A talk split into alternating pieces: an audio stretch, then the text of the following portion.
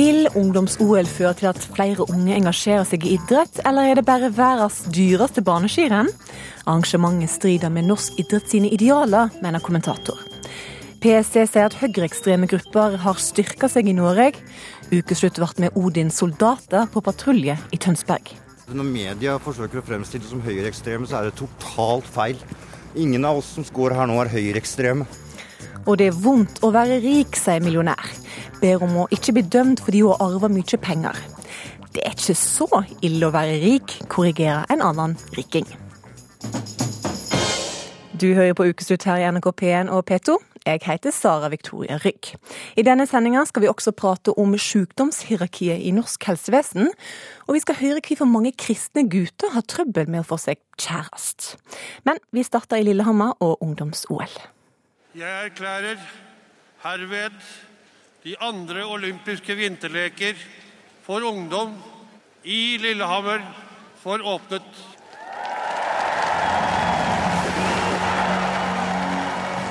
I går åpna altså ungdoms-OL på Lillehammer, og prinsesse Ingrid Alexandra hun tente OL-ilden på dagen 22 år etter pappaen. Kronprins Haakon gjorde det samme.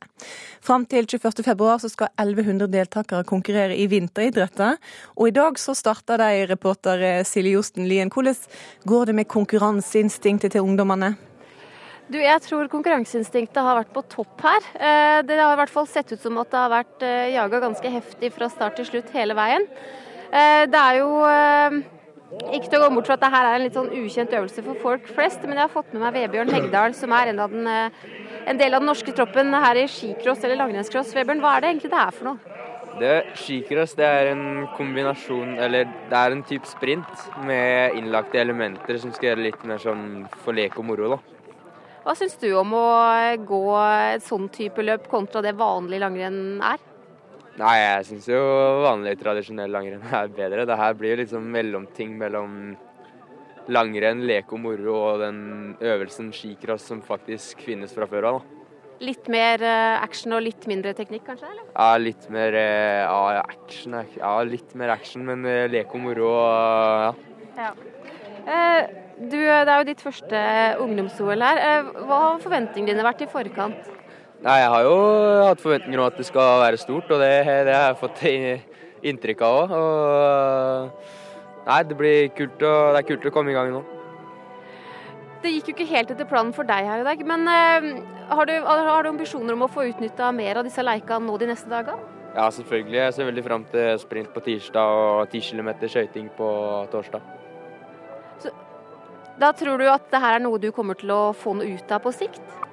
Ja, det, jeg gjør jo det. Det er jo, tar med det her videre, selvfølgelig.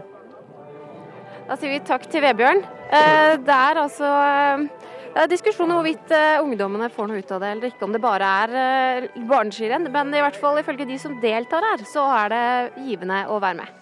Takk til deg, Silje Josten Lien. Og debatten den fortsetter her i ukeslutt. Ungdoms-OL eh, blir også sett på både som konkurranse, leik og moro, og, og utdanning. Eh, det er en fest med en ganske høy prislapp. Idrettsforbundet sier kostnaden vil bli om lag 250 millioner kroner. Og det er det den norske stat har betalt for herligheten. Men pengene ungdoms-OL har fått fra den med, dersom du legger da til pengene som ungdoms-OL har fått fra den olympiske komité, så vil prislappen ende på litt over 400 millioner kroner. Andreas eh, Seljås, du er sportsblogger og kommentator, har tidligere jobba for Idrettsforbundet. I en kommentar på sport.com så stiller du deg spørsmålet er festen bra for barna, eller strider den mot norsk idrett idealer? Hvordan bryter den med norsk ideale? idealer? Nei, altså Først så må det sies at uh, den eh, opprinnelige ideen til OL det var jo at ungdom skulle møtes og, og skape fred i verden. Så på den måten så er jo ungdoms-OL eh, tilbake Det vi ser nå, er tilbake til idealene. Uh, det er jo da uh, det samme som å si at det opprinnelige OL er i krise. Eh, at man må gå tilbake til røttene. Eh, men da er spørsmålet er barn og ungdom i en internasjonal konkurranse det som skal redde OL. Det er liksom utgangspunktet her. Eh, OL er hvert fjerde år.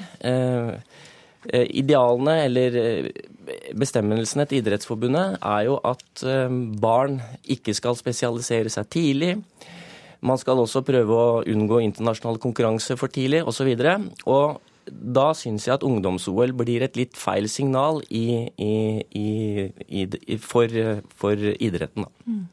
Men du, du sier at ungdoms-OL kan skape hodebry for norske eh, idrettsforbund. Hvordan kan det være? Altså, når OL er hvert fjerde år, eh, og det er for uh, ungdommer mellom 15 til 18 år Hvis du da er, skal komme med ungdoms-OL, hvis det er den store drømmen din, så må du kanskje begynne å tenke på det når du er 11-12 år. Eh, da må du begynne, kanskje begynne å spesialisere deg, og du må begynne å tenke på OL som det store målet. Og jeg lurer på om det er egentlig det Idrettsforbundet vil når man arrangerer ungdoms-OL. Eh, og hvis det er det, så snakker man jo litt mot seg selv. Mm. Anja Wem, du er utviklingssjef i Idrettsforbundet. Strider ungdoms-OL mot uh, norsk idrett sine idealer? På ingen måte gjør det det. Uh, Ungdoms-OL det, det, handler om læring og utvikling. Og dersom et OL handler da om prestasjon, så er, dette her uh, en idrettsfest for uh, ungdom. De er primært 17-18 år. Og i tillegg til å konkurrere, så skal de gjennom et utdanningsprogram, og det er mye kultur der. Og de møter ungdom på tvers Ja, her er det over 71 land som er med. Så, så ungdoms-OL er nødvendigvis ikke et prestasjonsmål. Det er et sted der en lærer om idrett, og en kan være med å forme unge utøvere fra alle nasjoner. Men de har vel trent ganske knallhardt og profesjonalisert seg på sin idrett for å vinne OL-gull? Helt klart. Det å konkurrere er en naturlig del av idretten. Og de her ungdommene her de har andre internasjonale konkurranser i samme alderssegment. En har junior-VM, en har ja, norgesmesterskap, nordiske mesterskap. Så, så, det er ingen forskjell i det. Men forskjellen med ungdoms-OL er at en òg har et lærings- og utdanningsprogram samtidig. Så det er noe mer enn bare idrett og konkurranse. Barna skal bare lære å utvikle seg og kose seg og leke? Ja, det var jo den opprinnelige ideen til OL også, og så så man at det ikke fungerte helt. Jeg tror Hvis du ser på alle uttalelsene til de som skal være med, så er det veldig, det er veldig gøy å være med. Det er en stor fest, og det er, det er, det er et privilegium å være med. Men jeg tror at alle de som er med der og, og har kvalifisert seg til å komme med, de er veldig oppsatt på å gjøre det bra også. Eh, og jeg ser også på en del av uttalelsene til de som er, eh, som er eh, i ledelsen i Ungdoms-OL, organisasjonskomiteen, at her skal vi få se mange, mange store prestasjoner. Men, og det læringsgreiene er fint. Jeg tror at man har litt optimistisk, er litt optimistisk på ungdommens vegne. Men samtidig så er det en veldig veldig høy prislapp for å lære opp, for å engasjere og for at de skal konkurrere. Jeg, prislappen på 250 millioner er veldig, veldig stor. Eh, og jeg tror at man kunne ha brukt de pengene annerledes for å engasjere ungdommer. Eh, og så er det et tredje element her som ikke kommer så godt med. Det er målsetningen til ungdoms-OL for IOC var i, i, i opprinnelsen at man skulle engasjere ungdom, få flere til å delta, forhindre fedme osv. Eh, osv. De tingene har man eh, ikke oppnådd. Det er ingenting som viser at ungdoms-OL til nå har greid. Det er ikke OL heller. Eh, så da har det norske ungdoms-OL de har da fokusert på frivillighet og at man skal opplære ledere. Og da er det spørsmålet er det de norske målene som er viktige her, at man skal oppnå frivillighet, eller er det IOC sine mål om at man skal få ungdommer til å delta i idrett. Eh, så det er, det er, det er to, to stri, motstridende mål her. Og, så det er, liksom, det er, litt vanskelig å få tak på hva egentlig ungdomsol er til for, da. Mm. Hvilken mål eh, går dere for, VM? Og Vi søkte om ungdoms-OL fordi vi hadde lyst til å ha ungdoms-OL her til landet. Vi hadde òg lyst til å være med å forme hvordan ungdoms-OL skal bli i framtida. Dette er jo det fjerde ungdoms-OL, og da er en med fra starten av. Så kan en være med å forme innholdet. Og vi har lært av det som har vært gjort før, og vi prøver å gjøre stadig forbedringer. For vår del så er det det unge engasjementet som er viktig. Vi har 3200 eh, frivillige, og ca. 60% av de er under 30 år. Så vi bruker ungdoms-OL til her, bl.a. til å utdanne en ny generasjon frivillige.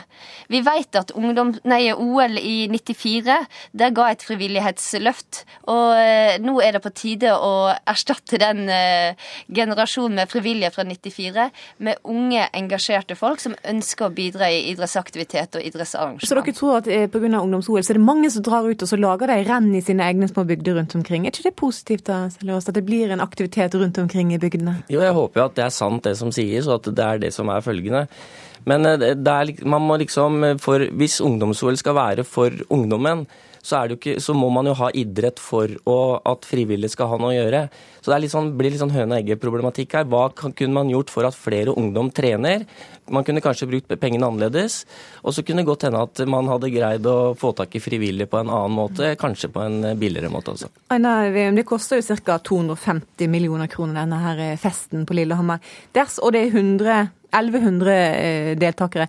Om du regner fram til en sum der, så blir det vel ca. 250 000 per deltaker. Kunne de pengene vært sendt ut i bygdene på en annen måte enn, og skapt engasjement på en annen måte? Dette er jo penger som er kommet i tillegg. Dette er jo ikke erstatning for noe penger vi allerede har. Eh, så, og de pengene der de bruker vi på en sånn måte at det skal skape gevinst for morgendagen. Altså Mottoet til ungdoms-OL er jo 'spreng grenser, skap morgendagen'. Og gjennom å engasjere flere tusen frivillige, så er vi sikre, at, sikre på at vi, vi bygger en, en, arv som eh, mange flere enn de som er til stede på ungdoms-OL i dag, vil ha nytte av. Så disse pengene her er vi helt sikre på vil eh, få god valuta. Ja, altså jeg håper jo det, det, som sies eh, er det som blir konklusjonen. Eh, nå er det jo I, i IOC-sammenheng og OL-sammenheng så har man da fått høre veldig mange ganger at OL skal bidra til fred, OL skal bidra til at ungdom kommer i aktivitet osv. Og, så og så hører vi dette her nå. Så jeg er veldig spent på å se om det er det som blir resultatet. Vi får se hva resultatet blir. Takk for at du kom i studio, Andreas Seljås, og takk til deg, Anja VM. Denne veka la PST fram sin trusselvurdering. Trusselen fra det høyreekstreme miljøet vurderes å være økende. Den sentrale drivkraften for høyreekstrem aktivitet, radikalisering og rekruttering, er det store antallet asylsøkere og flyktninger til Norge. For de venstreekstreme miljøene er det fortsatt kampen mot høyreekstremisme som kan føre til mobilisering. PST-sjef Marie Benedikte Bjørnland kom med sin årlige trusselvurdering denne veka, og Der ble altså både høyreekstreme og deres erkefiende venstreekstreme nevnt som en trussel eh, mot Norge. Kan frontene hardne til og situasjonen bli like ille som på 90-tallet, spørsmålet nå. Ukeslutt sin reporter Kari Li ble med Odins soldater på gatepatruljering i Tønsberg. Ja, sånn som forrige helg, så fant vi ei jente som hadde vært på ball, tenker jeg. Satt eh, ganske berusa og rett oppi gata her. Eh, knust telefonen sin. Veldig full. Steffen André Larsen forteller om ei hjelpeløs jente han traff på gata midt på natta i Tønsberg forrige helg. Nå er det torsdag, og 29-åringen går gatelangs i en svart hettegenser med vikingmotiv på ryggen. Her er jo mørkpakkatte. Den må Larsen ha på når han skal patruljere bygatene med Soldiers of Odin lørdag kveld. Odins soldater, som det heter på norsk, skal ifølge dem selv beskytte borgerne mot kriminalitet. At vi er ute etter å lage bråk og banke muslimer ut av landet, det er helt feil. Og en, og en annen ting er at Når media forsøker å fremstille det som høyreekstreme, så er det totalt feil. Ingen av oss som går her nå, er høyreekstreme. Denne stemmen har du kanskje hørt før. Her er det glimrende anledning til å bli At folk kan bli antasta. Ronny Alte står i ei bakgate i Tønsberg hvor han akter å stoppe eventuelle kriminelle handlinger. Alle typer kriminalitet, eh, altså åpenlig salg av narkotika, uprovosert vold, seksuelle overgrep, tafsing, alle typer kriminalitet som begås i gaten. Alte har vært i medias søkelys siden han vitna i saken mot Anders Behring Breivik i 2012. Han er tidligere leder av islamkritiske Norwegian Defence League, og var også i det islamkritiske Pegida. Nå er han talsmann for Odins soldater. Svarte hentegensere med vikingmotiv bakpå. Er det spesielt tillitvekkende? Ja, det er jo det. Altså, grunnen til vi har det motivet bak, er fordi folk skal vite hvem vi er. Hvis de ønsker å ta kontakt med oss, så ser de vikinger. viking. Okay, da kan de gå dit. Og Vi bør være stolte av at Norge er, viking, er et vikingland. Men å bruke vikingmotiv og Odin-navnet var ikke en norsk idé. Finner kledd ut som klovner roper på Odin og tullemarsjerer etter en gruppe tause Odins soldater. Klovnestuntet til finske antirasister ligger ute på YouTube og er sett av flere hundre tusen. Vi har eh, pågrepet en person som hadde med seg noe kasteskyts slagvåpen, men kjørte inn. Sist søndag sto Oslo-politiet oppstilt for å sikre de som støtter Sylvi Listhaugs asylpolitikk mot antirasister. Eh, vi har hatt en liten runde for fem minutter siden, og da var det 70-75 på kall det pro Listhaug-sida, og så er det en 20-25 på motsatt side.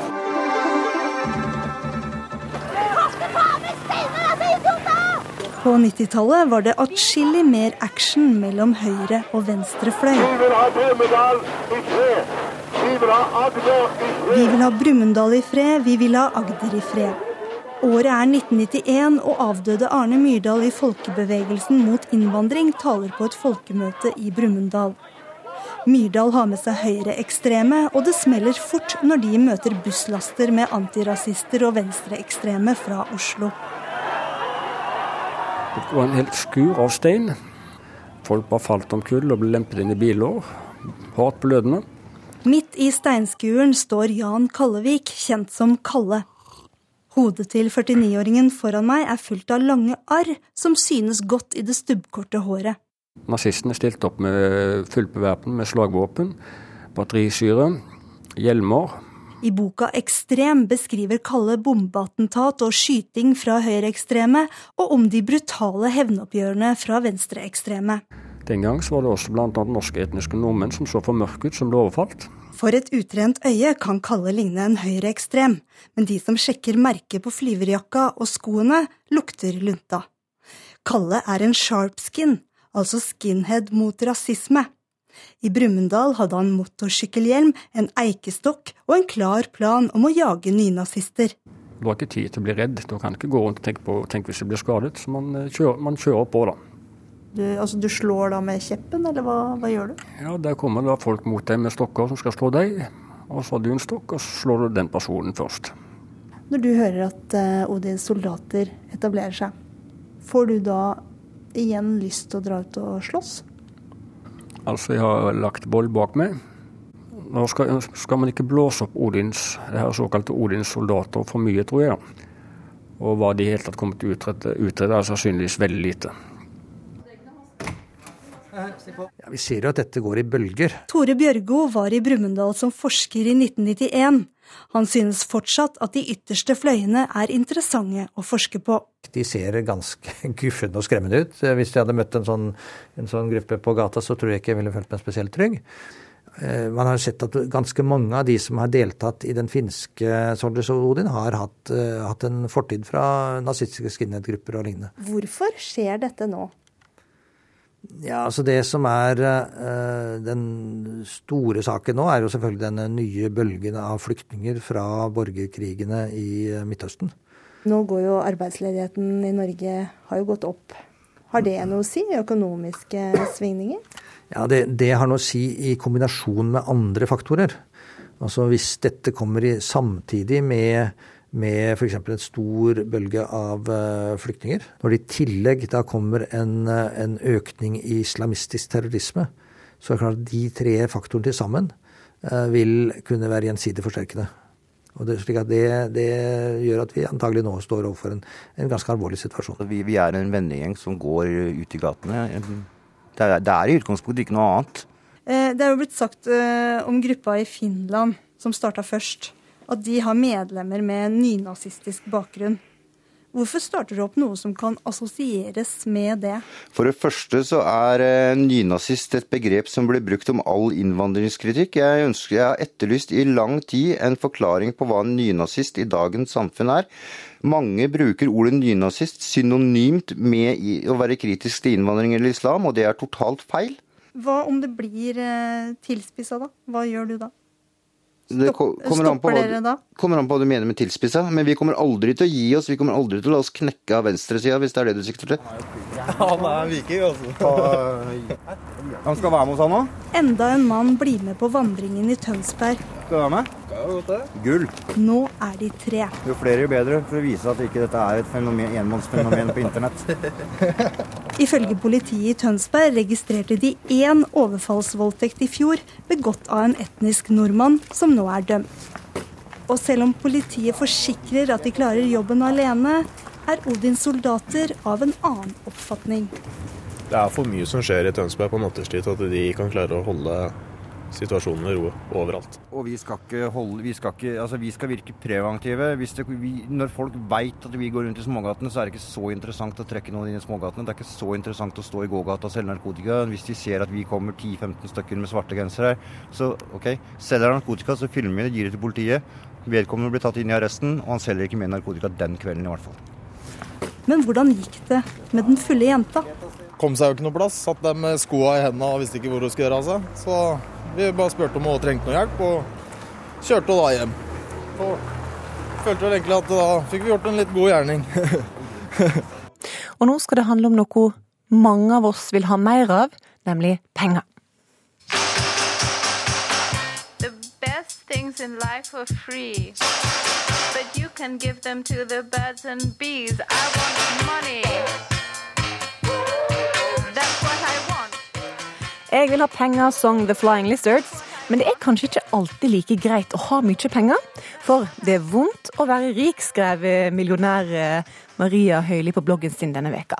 Hun fikk raskt svar fra en annen riking, som påpeker at det ikke er et spesielt stort problem å ha millioner på konto. Maria Høili, du arver mye penger fra faren din. Hvor mye? En del. Ja, jeg trenger ikke å si tallet, men eh, over 100 millioner. Hvorfor er det vondt å være rik?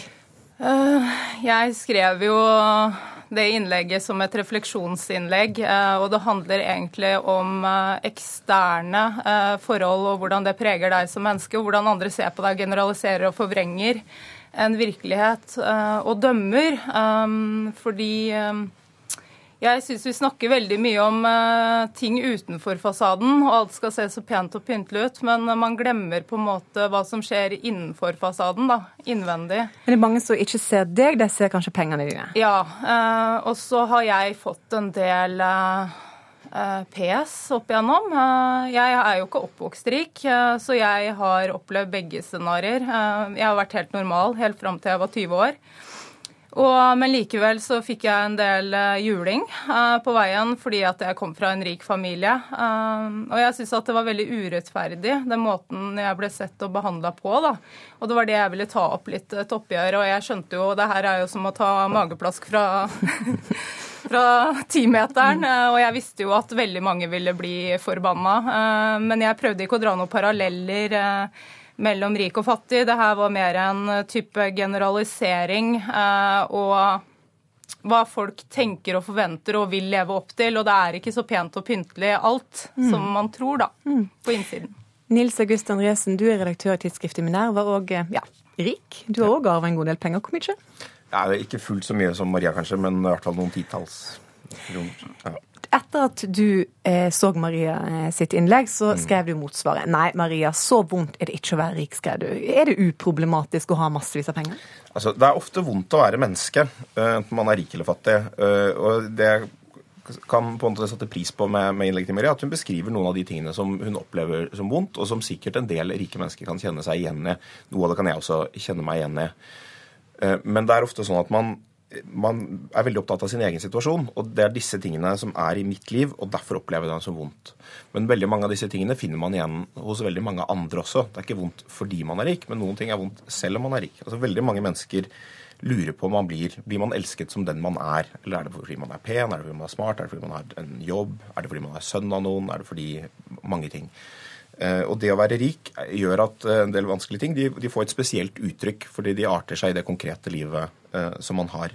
Men det jeg er litt opptatt av, er at det er, det er nokså mange rike mennesker som i mine øyne kanskje har blitt litt blinde for at det er et veldig stort privilegium på veldig mange måter. Mm. Man, er, man, har økonomisk sikkerhet, og ikke minst sånn hvis økonomien er usikker. Veldig mange mennesker er usikre. Norge har vært heldige generelt, men veldig mange mennesker er usikre i dårlige tider. Preger hele livet. Det slipper man. Man får masse muligheter til selvrealisering. Det ser vi masse eksempler på i Maria sitt liv og i mitt liv.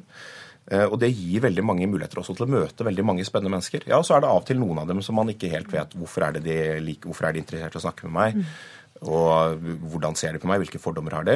Men, men Marie, Eh, men- bør ikke den bekymringa, eh, den tryggheten du har med alle dine penger eh, på konto, på en måte være større enn akkurat den bekymringen? Ja. ja, overskygge mine ilandsproblemer. Usikkerhetene, ja.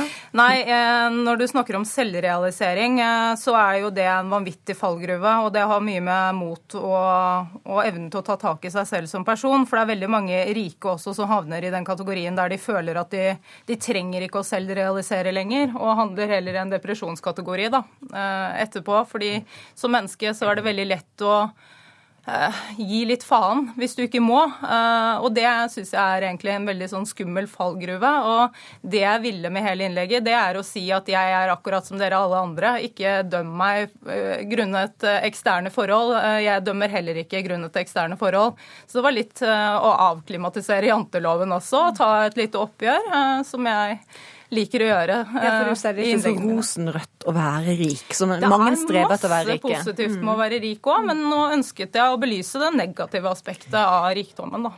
Men er det sånn, Nils Gustav August Andresen, at, at man har kanskje ikke lov til å klage når man er rik, mens hvis man er fattig, så har man lov til å si fra veldig Jo, altså det er klart det er, det er noe i det, og noe av det er for så vidt rimelig. Altså jeg mener at De som er privilegerte, bør tenke seg litt mer om før de klager, eh, også i offentligheten. Samtidig så er, det, så er det riktig at det på en måte mangler kanskje litt fora for en del da, at eh, rike mennesker til å snakke om sine spesifikke problemer. Og når man ikke får snakket om problemene man opplever man møter i hverdagen, så kan de på en måte vokse seg større. Man må ha noen å snakke med som kan skjønne hvordan man har det og sånn. Og det mangler kanskje litt i Norge.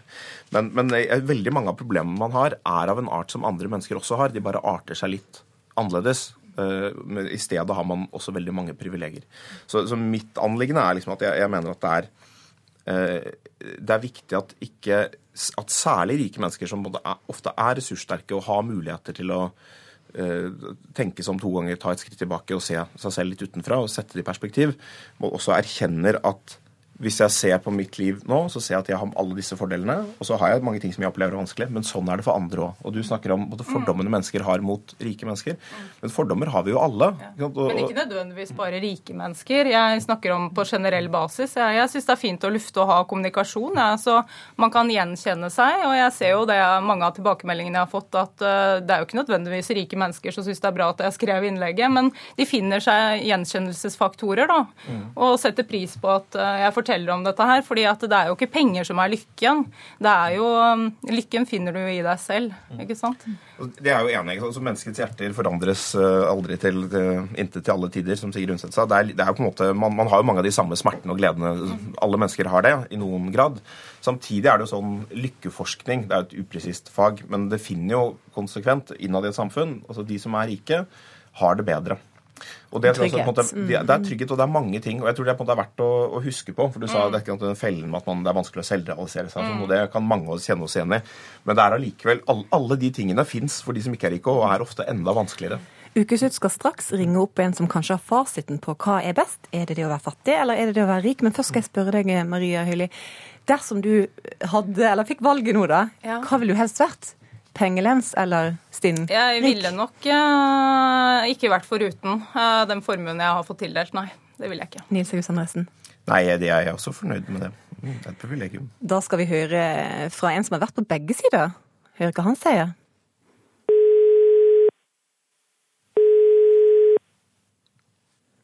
Ja, det er Idar. Hei, Ida Vollvik. Hei, hei. Du, du starta med lite, så ble du skikkelig rik og kjørte rundt i en gul bil til ti millioner. Så mista du alt, så bygde du deg opp igjen, og nå har du vel til salt i grøten. Hva er best? Fattig eller rik? Ja, si det. Vel, det, det blir nesten som med årstidene vi har her i Norge, det. det eh, en blir utrolig glad i, i de forskjellige årstidene, nettopp fordi at det er variasjon.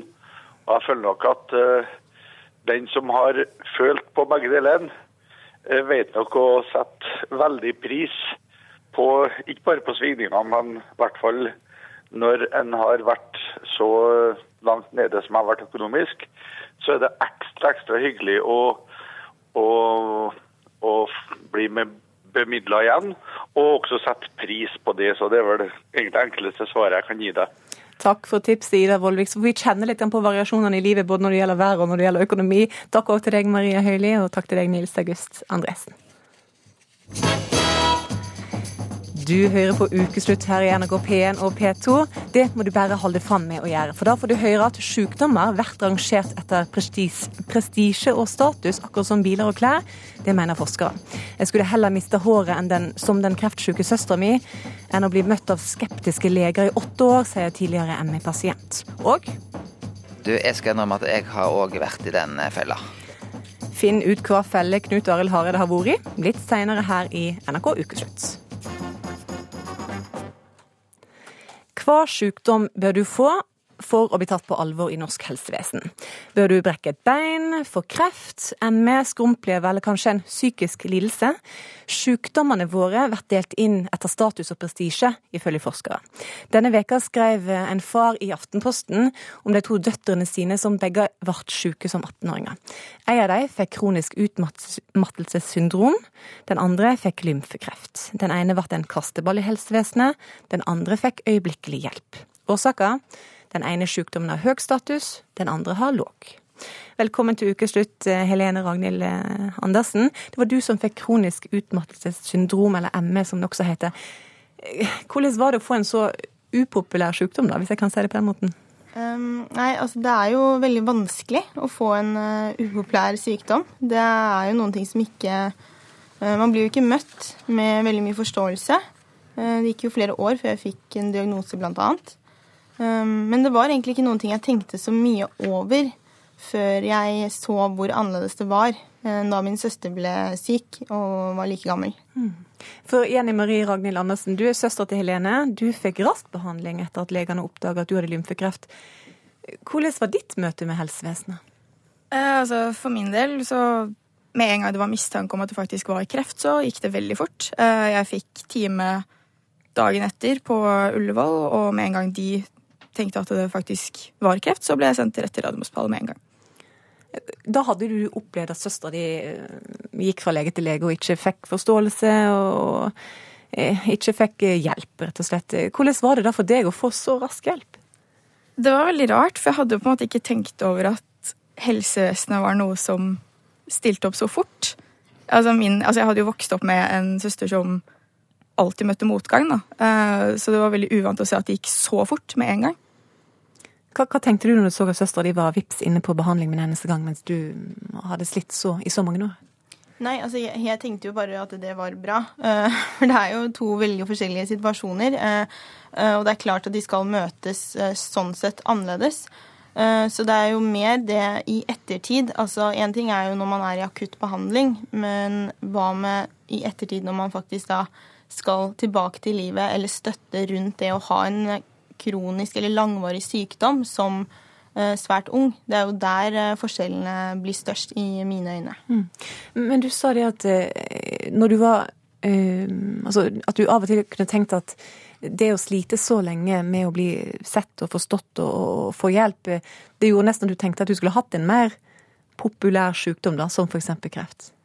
Ja, jeg tror når man blir møtt med uh, veldig skepsis, at folk er generelt skepsis Jeg har jo på en måte i alle år bare måttet akseptere at folk ikke tror på den sykdommen jeg har. Akkurat som at jeg skulle valgt å falle ut av skole og bli liggende i flere år. Um, og det å da tenke at uh, jeg skulle ønske jeg hadde en annen sykdom, det tror jeg er uh, veldig naturlig, selv om det kanskje er litt tabubelagt. Mm. Uh, samtidig så tror jeg også at når man går så lenge uten å vite hvordan uh, om man kan bli frisk, for det er jo ingen behandling, og det er ingen, man har ikke noen deadline, det er ikke noe sånn 'så lenge skal du klare det her', så følte jeg jo på det at hadde jeg hadde liksom tatt en behandling uansett, bare hadde jeg visst at det her skulle gå over. Mm.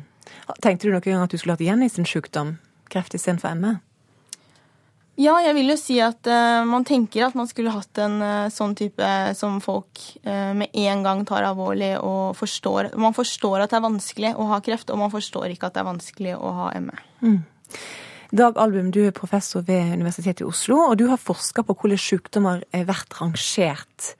Hvordan, altså, hvilken sykdom er det som ligger på topp?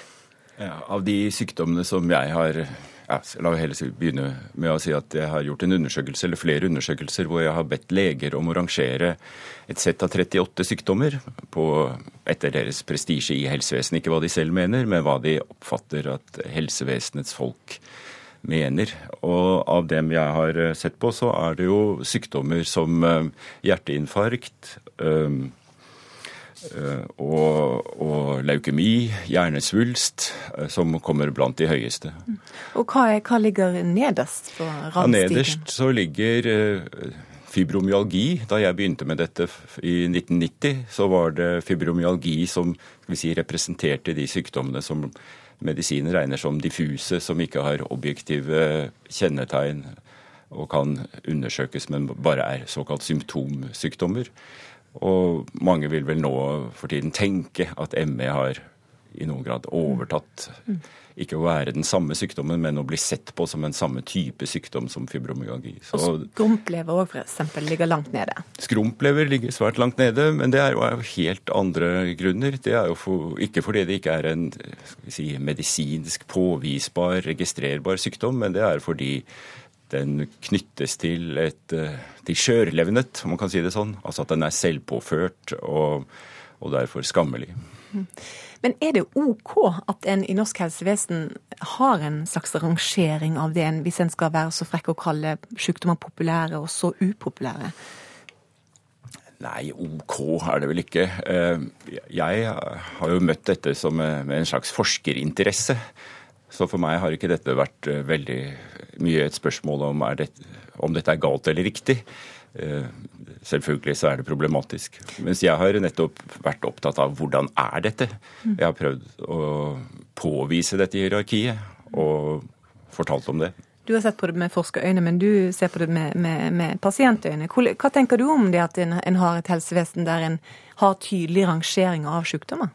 Jeg tror det er veldig skadelig for eh, Nå kan jo jeg bare snakke for eh, meg selv, men også unge som blir syke tidlig i livet. Jeg tror det er veldig skadelig å føle at man ikke blir sett.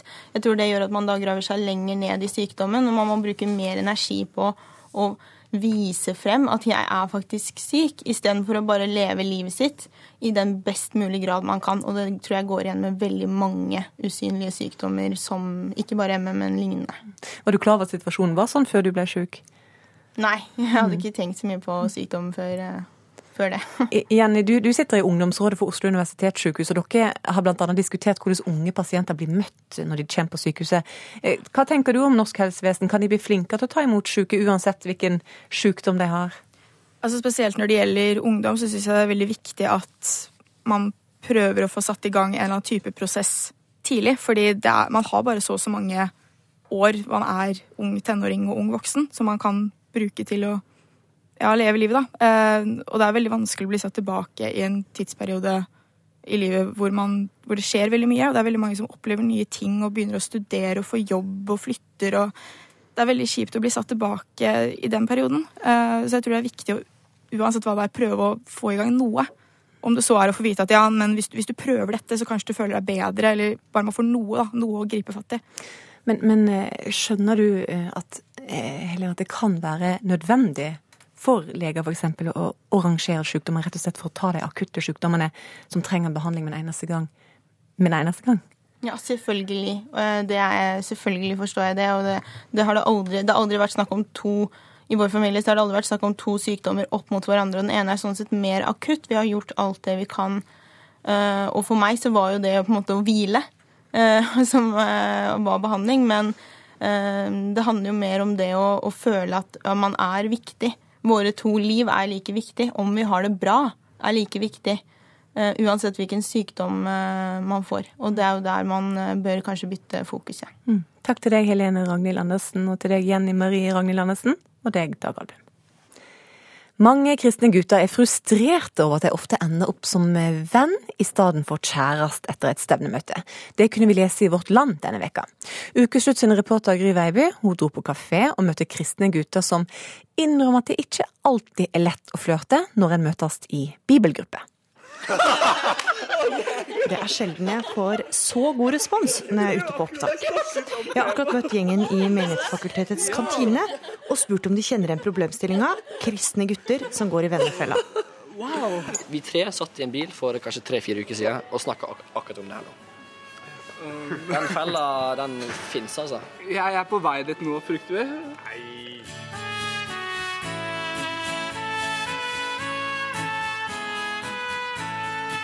For denne uka kunne vi lese om en felle som særlig kristne gutter går i vennefella. Når du ikke klarer å gå fra venn til kjæreste. Det er vanskelig å gå fra, er å gå fra når man er venner, til noe annet. Og at det er vanskelig for kristne gutter, ser ut til å bli konklusjonen i en masteroppgave som kommer til våren. Små og gjennomsiktige miljøer, tradisjonelle kjønnsrollemønstre og stive samtaler over en kaffe kan være noe av forklaringa. Pirjant, Lars, Anders og Marie har sine egne teorier på hvorfor det er ekstra ille for kristne. Det er når du først har møtt dem i en bibelgruppe, møtt dem eh, i småfellesskap, i, på gudstjeneste eller i ungdomsarbeid eller hva nå enn, så møtes dere i en arena som ikke er åpen for samme type flørting. ofte så er det større forventninger til noe At det skal være seriøst, da. Med en gang. At um, tar du en kaffe, så skal du gifte deg, liksom. Ja, men det er nesten sånn noen ganger. Det er jo nesten Ja. sånn, jeg er helt enig. Men det er ikke bare rundt eh, kantinebordet problematikken er kjent. Du, jeg skal innrømme at jeg har òg vært i den eh, fella.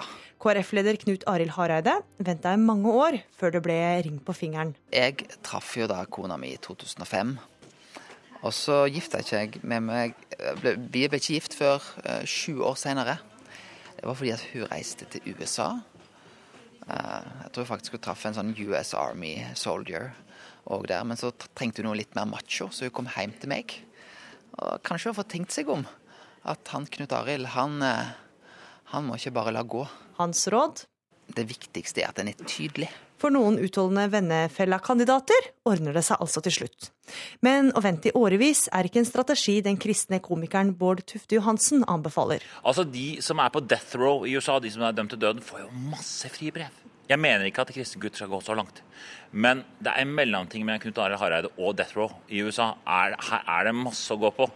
Og Knut Arild Hareide han fikk jo en veldig søt dame til slutt, men det tok jo veldig lang tid. Sju år. Sju år. Sånn at eh, de bør nok tenke annerledes. Og jenter vil nok ha litt mer spenning og litt mer galskap, så de kan være litt, være litt, litt gærne. De skal jo ikke være slemme eh, og kjipe, eh, det, det, men de kan, være mer, kan kanskje være mer rett på sak. Du.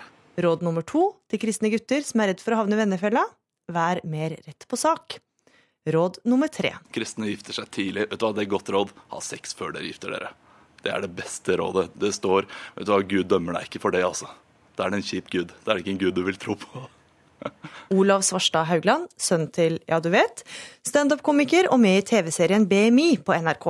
Også han er kristen, men unngikk vennefella fullstendig. Eh, vi var aldri venner. Ja. Ikke, eh, ja, det er jo det der, Du må aldri la det gå så langt. Du må seksualisere deg før vennefella tar deg. Ja.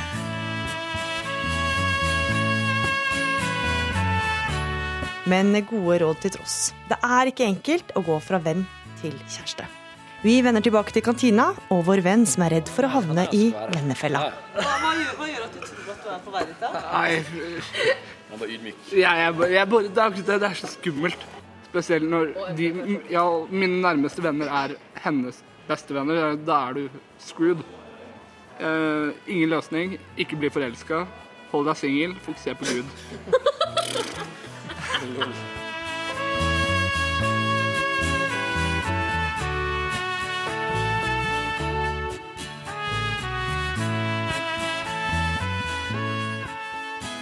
Og skulle det være ønske om flere kjærlighetstips til våre kjære lytter, så er det bare å følge med videre. På søndag så er det morsdag og valentines. Mm. Hvordan har du tenkt å markere det? Skal jeg kjøpe en presang til min kone? Og så har jeg tenkt å bake noe, faktisk. I anledning I anledning morsdag. Valentine syns jeg er noe tull. Det er amerikansk tullball. Jeg skal ikke feire valentine. og morsdag, det Egentlig så feirer vi ikke morsdag, men det hender likevel at eh, det vanker noen blomster og sånt nå. Ja.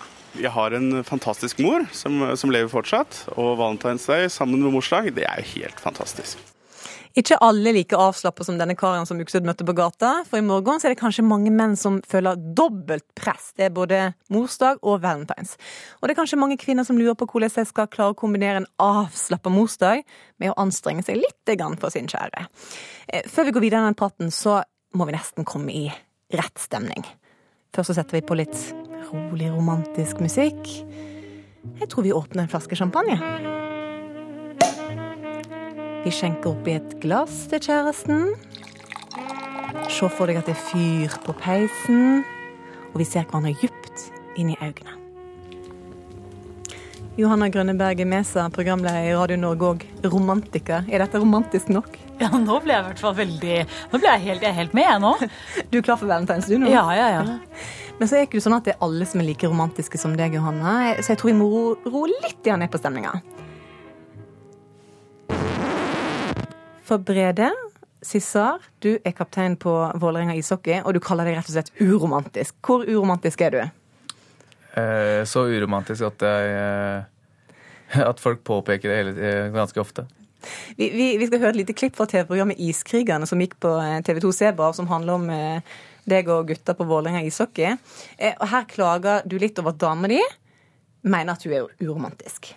Jeg sier til Runka sånn, hun har alt det vi trenger her. Du har puter og dyre, god dyne og vinterdyne og alt mulig sånn. Så hva er det, hva er det du vil ha? Nei, Jeg vil at jeg skal gi en klem igjen. Så det er det, er der da, som jeg skorter litt på. Vinterdyne? Hvordan kan de erstatte en klem?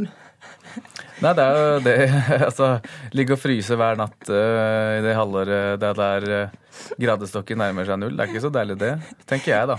Jeg regner med at du ikke er sånn ordentlig klar for valentines i morgen? Nei, jeg ble litt, uh, litt, tatt på senga da jeg fikk en telefon fra, fra, deg her om dagen. Og i hvert fall da du sa det var morsdag i tillegg. Johanne, hvor viktig, hvor viktig er det å feire valentines som morsdag? Kjempeviktig. Jeg syns det er viktig å feire i det hele tatt. Eh, eh, vi burde feire mer. Og det er noen som sier sånn dette her er noe som handelsstanden har satt i gang og trenger vi ikke være med på. Men da tenker jeg at hvis noen menn sier det, hvis de tør å si det, så må jo det bare bety at da har de bare tenkt å gi følelser, da. Da er det bare desto mer følelser, tenker jeg. Det er viktig å feire følelser og kjærlighet. Men, men hvorfor smøre så tjukt på på én dag? Hvorfor ikke smøre tynt på utover hele året? Vi er ikke så flinke til å smøre tynt på utover året. Eh, vi er ikke noe gode på det, så vi trenger dessverre å bli minnet på å elske og vise kjærlighet. Og da er det ingenting bedre enn å ha en dag hvor vi bare kan overøse hverandre med kjærlighet. Hva tenker du om det? Overøse den ene dagen? Ja, nei, overøse og overøse. Jeg mener kanskje det valentinsdagen har blitt sånn at man gjør opp for det man skulle ha gjort de 364 andre dagene i året. Så blir det litt sånn krampaktig den, den ene søndagen den, den datoen kommer. Litt krampaktig? Ja ja, krampe som bare det. Jeg vil, gjerne, jeg vil, gjerne, ha krampe, jeg vil bare ha masse. Men jeg har jo en amerikaner til mann, så jeg får jo jeg får det jo de, Der har de det jo med å overdrive litt. For de, de gode amerikanerne, de er ordentlig klissete? De er ordentlig klissete. Og det, ja, selv om min mann egentlig ikke er så klissete, så, så skjønner han at uh, valentine er viktig. Men, men, du sier at norske kvinner kan takke seg sjøl for at uh, norske, no, noen norske menn er litt dårlige på romantikken. Hvorfor det? Jeg har jo liksom sagt litt det at den norske gentlemanen han uh, forsvant bak hun dama som kan åpne døra sjøl. Det blir litt sånn, og, det, og, vi er jo sterke damer. Vi er jo veldig sånn Den døra, den åpner jeg sjøl. Ikke trekk ut den stolen, den, er, den har jeg satt meg på allerede. Den mm. norske mannen har jo kanskje ikke så stor mulighet til å være gentleman rundt omkring i året. Eh, så kanskje, kanskje, vi kan bruke Valentine's Day også til å la den norske mannen få være litt gentleman akkurat den dagen.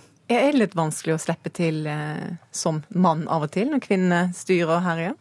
Nei, altså styrer og herjer det er vel sånn, Alle er vel sitt, i sitt eget private forhold. men og Å styre det deretter, tenker jeg. Men altså Det er litt vanskelig å snakke for alle andre, men jeg føler at jeg sprer, sprer nok romantikk utover hele året, så jeg slipper i hvert fall å pynte så veldig nå i, i de dagene som kommer. Da. Og hva gjør du for å glede dama di? Jeg er veldig, ganske travel mann da, med hockey, som du sa innledningsvis her, og, og jobb i tillegg. Så er, da jeg kommer hjem eh, etter trening, så er jeg ganske slitne. Og madammen er ganske sliten etter å ha tatt vare på to små barn i løpet av hele dagen. Så da Eh, nei, altså, lista, lista hjemme hos oss er ikke så veldig høy. Da. Den er egentlig bare til at uh, vi nesten At jeg rydder litt, litt ekstra. Setter litt i Rydde litt, det er hyggelig. Det blir man glad er for. hyggelig, og Ja. kanskje finne fram støvsugeren en gang uten, uten å bli minnet på det tre-fire ganger og sånn også. Det er Så er det den vinterdyna, da. Ja, vinterdyna. Ja, altså I morgen så er det jo eh, Jeg vet ikke, hva, du kommer sikkert til å våkne opp til blomster og konfekti i morgen tidlig, tenker jeg. Ja, jeg kommer nok ikke til å, å kjenne igjen eh, morgendagen som noe hverdag i det hele tatt, i hvert fall. Eh, det kommer til å ta helt av, tenker jeg. Gi han et ordentlig godt eh, romantisk råd til i morgen. Å, tusen takk for at du ba meg om det. Jeg tenker Det du kan gjøre, er jo bare ta hele den der ishockeystadion som dere har på Vålerenga, og så bare stenger du av hele den stadion. Setter et lite bord eh, midt ute på isen. Hvor du kan diske opp med en liten sånn romantisk middag. Hvis du vil, så kan jeg godt komme og synge. Eh, Ja. Jeg kan ta denne 'Hello' til eh, Adele eller noe sånt, som jeg kan komme inn sånn i mørket. Ja, noe sånt. Det blir fabelaktig. Riktig god valentines og god morsdag til begge to. Takk for det. Da er det på tide med et eh, værvarsel og statsmeteorolog Jon Smits, du har kommet i studio. Hva vær kan vi vente oss resten av helga? Det ser egentlig ganske eh, bra ut enkelte steder, i hvert fall i de sørligste områdene av landet vårt, men eh, litt mer vrient kanskje en del steder i nord som får enkelte snøbyger. Men vi kan jo ta gjennomgangen. Vi begynner lengst nord, på Spitsbergen. Her venter vi oppholdsvær i dag, men det kommer sørøst kuling og litt snø ifra i kveld, men nedbøren avtar utover morgendagen. Og når det gjelder Finnmark og Troms, eh, så kommer det litt eh, snø fra sør i disse fylkene. Det blir en sørlig liten kuling utsatte steder, men søndag blir det stort sett oppholdsvær igjen. Men så kommer det litt en ny runde med snø lengst i sør, og spesielt i Finnmark i løpet av ettermiddagen og kvelden i morgen. I Nordland blir det stort sett oppholdsvær, men eh, bortsett fra litt snø i grensetraktene. Og søndag får vi spredt snø også i Lofoten, og det blir sørøstlig stedvis liten kuling. I dag så er det oppholdsvær de fleste stedene i Sør-Norge. En del sol på kysten av Vestlandet og sørvest i Agder, faktisk, og litt spredt snø i de aller østligste delene av Sør-Norge. Eh, Når det gjelder morgendagen, så kommer det enkelte snøbyger etter hvert i områdene nord for Stad og Dovre, kanskje på kysten nord på Vestlandet også. Ellers venter vi oppholdsvær, og sør på Vestlandet, på Sørlandet og Østlandet, og sør i fjellområdene, så blir det egentlig ganske mye fint vær i, i morgen.